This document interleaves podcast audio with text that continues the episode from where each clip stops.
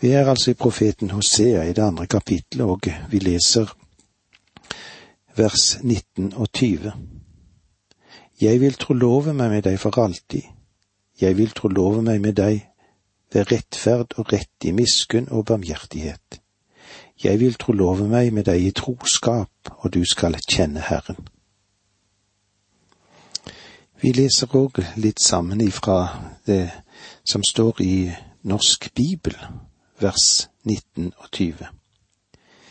Jeg vil trolove meg med deg for evig tid.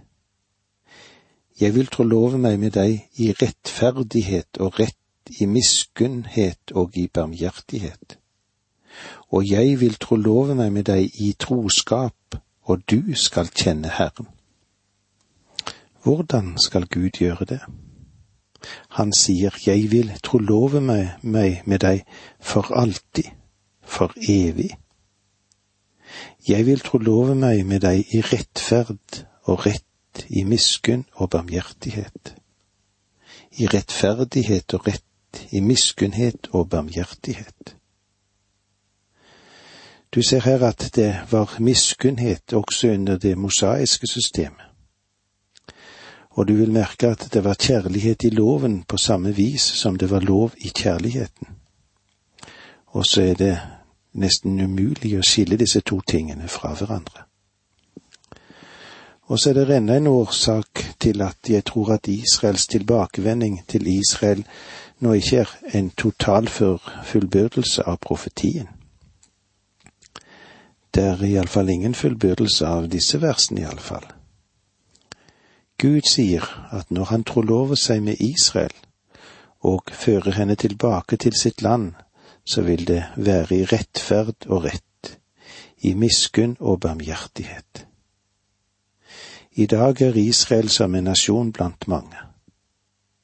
Noen synes det at de er unødvendig brutale, men de står i en forsvarsposisjon, og deres mulighet til å overvinne der avhengig av at de har et sterkt forsvarssystem. De er ikke tilbake i landet som en fullbyrdelse av profetiene. Selv om de har vendt tilbake til landet, så har de dog ikke vendt seg til Herren. Når de vender seg til Herren, så vil det bli hen til en velsignelse. Jeg vil trolove meg med deg for evig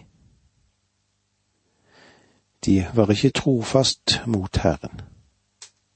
Faktisk var de på mange måter i samme situasjon som den frafalne menighet, slik som det vil være i våre dager.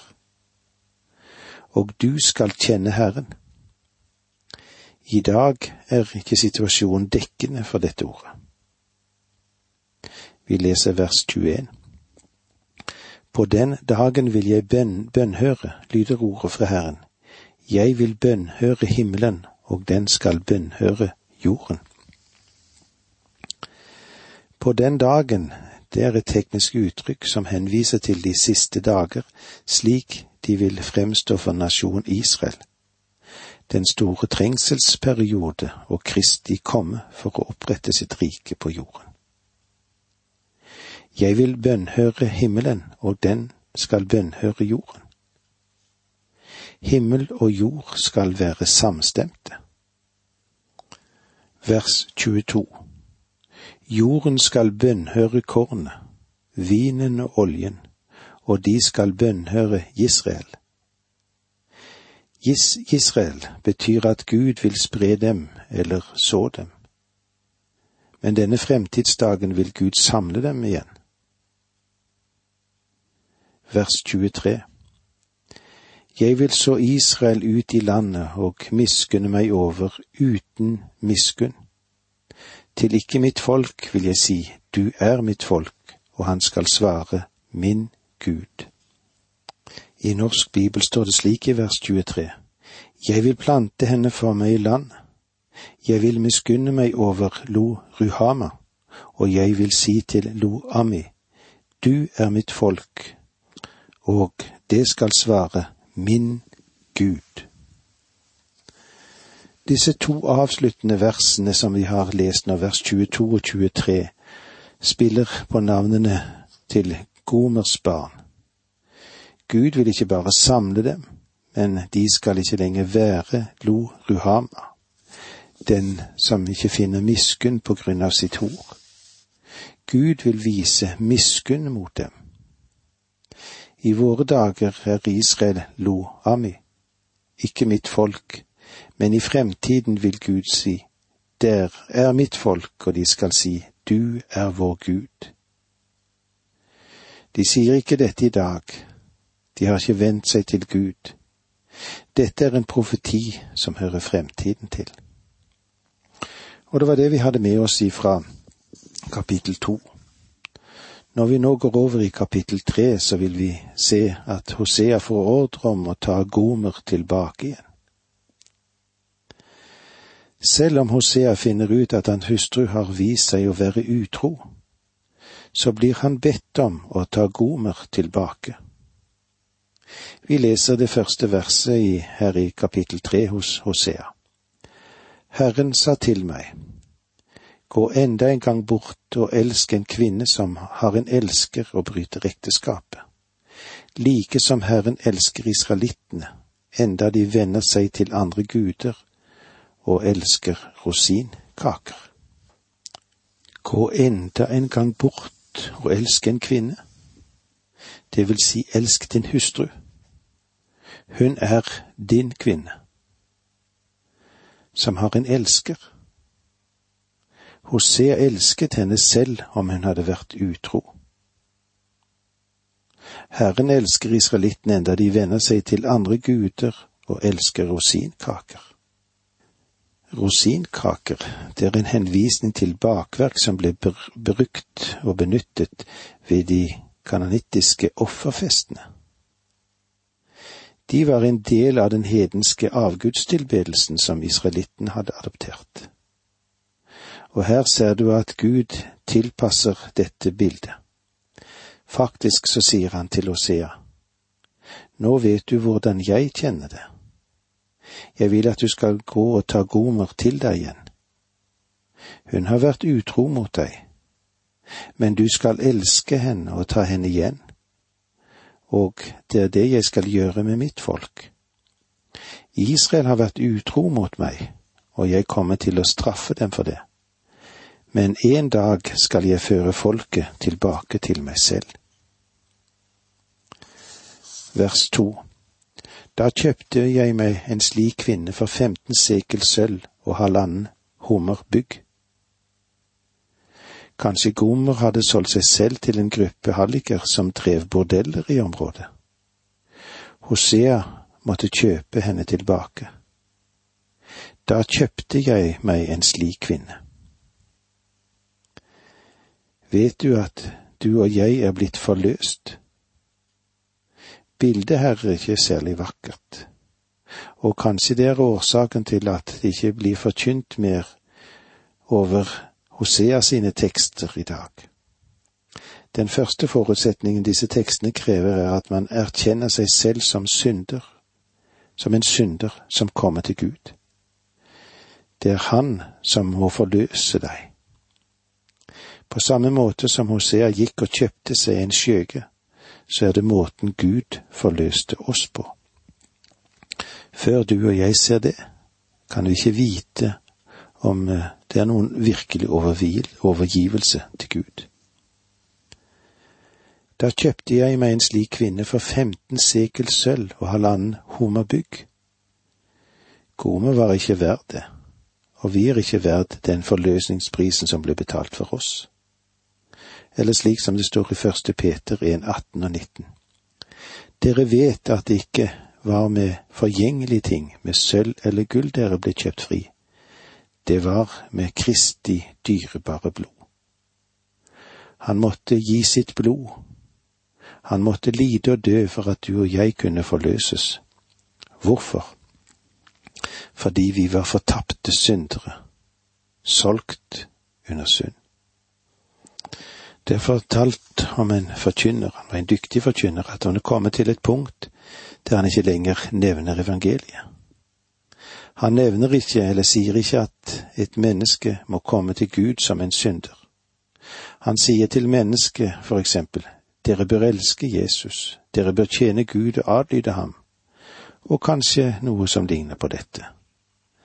Men det er ikke det du, der du trenger å være og begynne.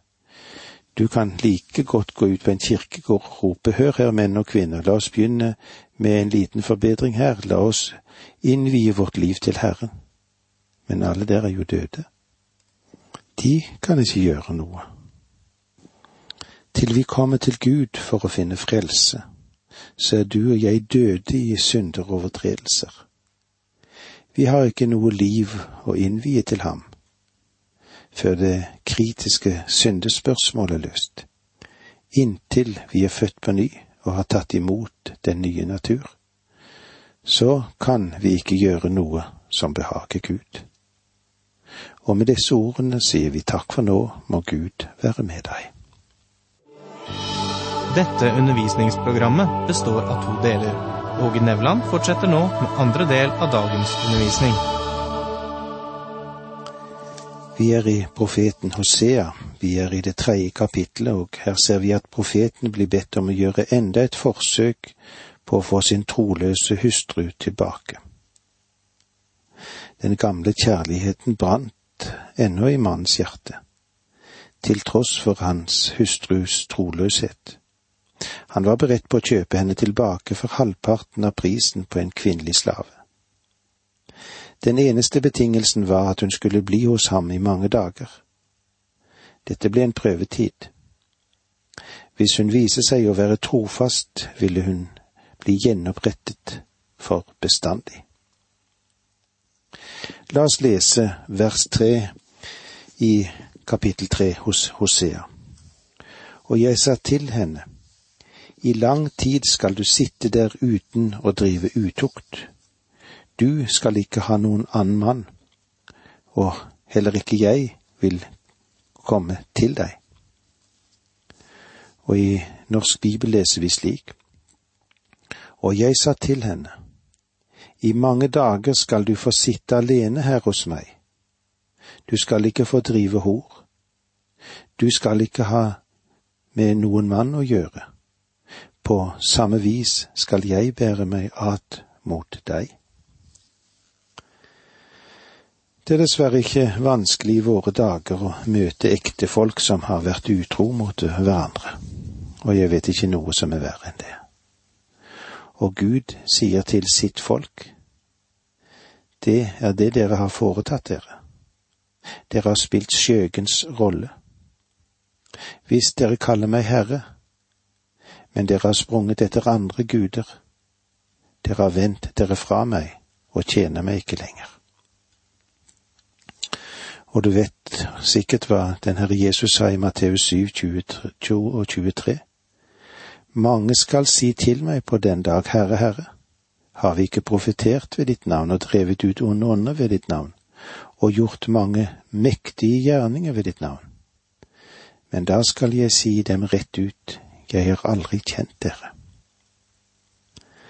Kanskje vi bør stille dette spørsmålet noen hver av oss i lys av dette ordet.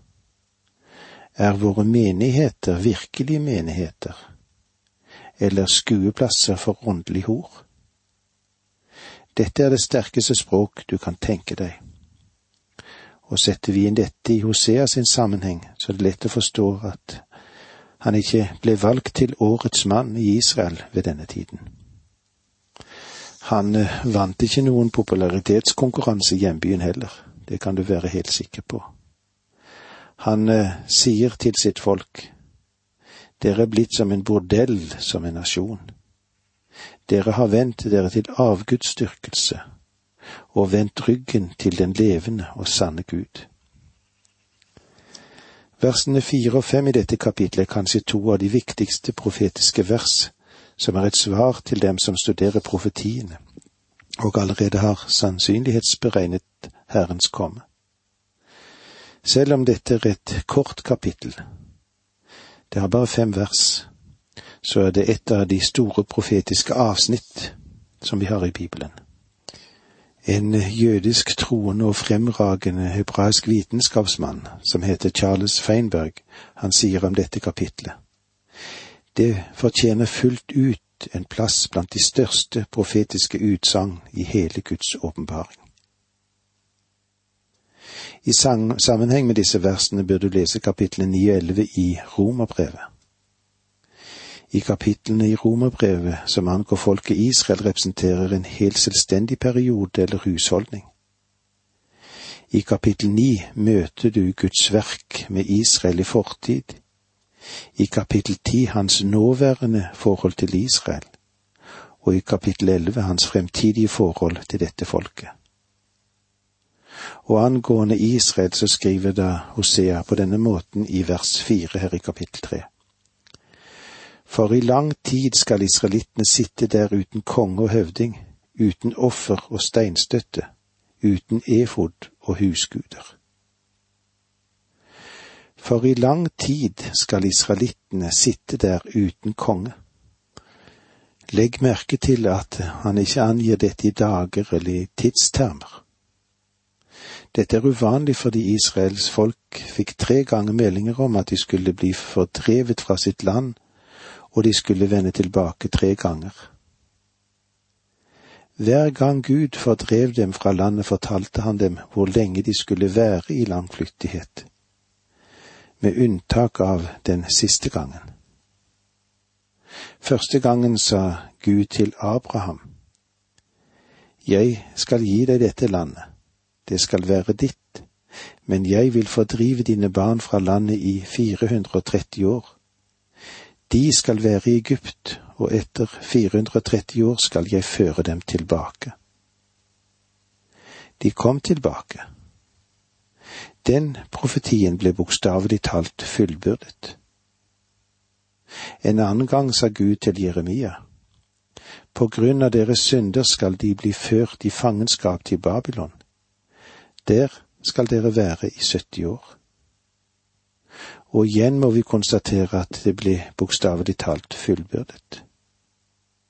Her taler Hosea til Nordriket, som aldri vendte tilbake til landet, og han sier, for i lang tid skal israelittene sitte der uten konge. Hvor langt er i lang tid? Det finnes mennesker som sier at Jesus skal komme tilbake til en til bestemt år eller bestemt dag. Jeg vet ikke hvor de finner dette i Bibelen. Det virker kanskje som om de har en slags privat telefonlinje til himmelen. Ingen sted i Skriften får vi vite hvilken tid han vender tilbake. La oss ikke bli revet med av sensasjonelle uttalelser. Hvorfor sa Herren lang tid, uten å gi oss det, det eksakte tidsmål? Det er fordi i intervallet mellom den tid Israel ble drevet bort i år 70 etter Kristus og det øyeblikket han vil vende tilbake, så kaller han ut et folk for sitt navn blant hedningene, og han bygger sin menighet. Jeg vil få si først av alt at jeg tror at vi lever i den siste tid noen vil da si, mener du at Herren vil komme snart? Vel, jeg vet ikke hvor snart de vil være her, men de siste dager er mer enn 2000 år. Den Herre Jesus sa, se, jeg kommer snart, og det er ca. 2000 år siden det. Og derfor er jeg ikke rede til å si at han vil komme i morgen eller neste uke eller neste år eller i løpet av nærmeste århundre, for jeg vet ingenting om dette men jeg tror at vi ser scenematerialet, nå iallfall i den historiske scene, er i ferd med å komme på plass. Og jeg tror at den delen begynner nå, at menigheten snart blir hentet hjem ifra denne jorden. Årsaken til at tidsangivelsen ikke er med her hos Hosea, er at i Skriften er menigheten uten navn og alder. Vi som tilhører en sann menighet, er et himmelsk folk som ikke har noe navn. Jeg kan tenke meg at en del av dere trodde at menighetens navn var lutheraner, baptist, metodist, pinsevenn eller kristen i en eller annen sammenheng, en frikirke eller hva det måtte være. Nå har jeg en nyhet, ja, det er ikke sikkert en nyhet å komme med, men allikevel. Menigheten har ikke noe navn. Bibelen har aldri gitt den et navn. Det greske ordet eklesia betyr ganske enkelt en gruppe som er kalt frem. Han kaller frem sitt legeme i dag som skal være hans brud. Jeg kunne jo tenke meg å komme med et forslag til navn på menigheten. I lignelsen om den kostbare perle som er gjengitt i Matteus 13 vers 45 og 46, representerer perlen i menigheten som kjøpmannen, Jesus, kom og kjøpte. Han betalte en høy pris for menigheten, vet du. Ordet for perle er Margarites. Om menigheten skulle ha et navn i det hele tatt, så tror jeg det kunne være Margaret. Har du noen gang hørt om Margaretkirken? Vernon McGee sa en gang slik at han hadde til en venn at han hadde begynt å gå i Margaretkirken. Han trodde at han var kommet i ubalanse, men jeg er sikker på at du forstår hva han mente med dette. Menigheten er navnløs, og den er tidløs. Om du hadde møtt Simon Peter en time før Den hellige ånd kom på pinsedag, og du hadde stilt ham spørsmålet Vet du hva som vil hende her om kort tid, så ville han ha svart nei. Hva er det som vil hende da, da? Han visste ikke det, fordi kirkens fødsel var blitt annonsert, men dag og tid var ikke gitt. Og nå har vi ingen dag og tid for bortrykkelsen. Den tid kommer når menigheten skal løftes bort fra jorden. Og det er grunnen til at vi står her, at det står her i det vi har lest. I lang tid skal israelittene sitte der uten konge og høvding. Ingen spesifikk tidsepoke antydes for oss. Israel skal leve i en lang tid uten konge. Det er dem i dette hellige landet i dag som også påstår at de kan si deg hvilken stamme de tilhører. Jeg har alvorlig tvil om dette når det gjelder den saken, men de kommer i alle fall med en slik påstand. Det er vel ingen israelitt som lever i dag som kan si jeg er i Davids etterlinge. Jeg har rett til Davids trone. Den ene som kan gjøre krav på det, han sitter for øyeblikket ved Guds høyre hånd. Det er den Herre Jesus Kristus, kongenes konge og herrenes herre. Israel har vraket sin konge. Og med disse ordene sier vi takk for nå, må Gud være med deg.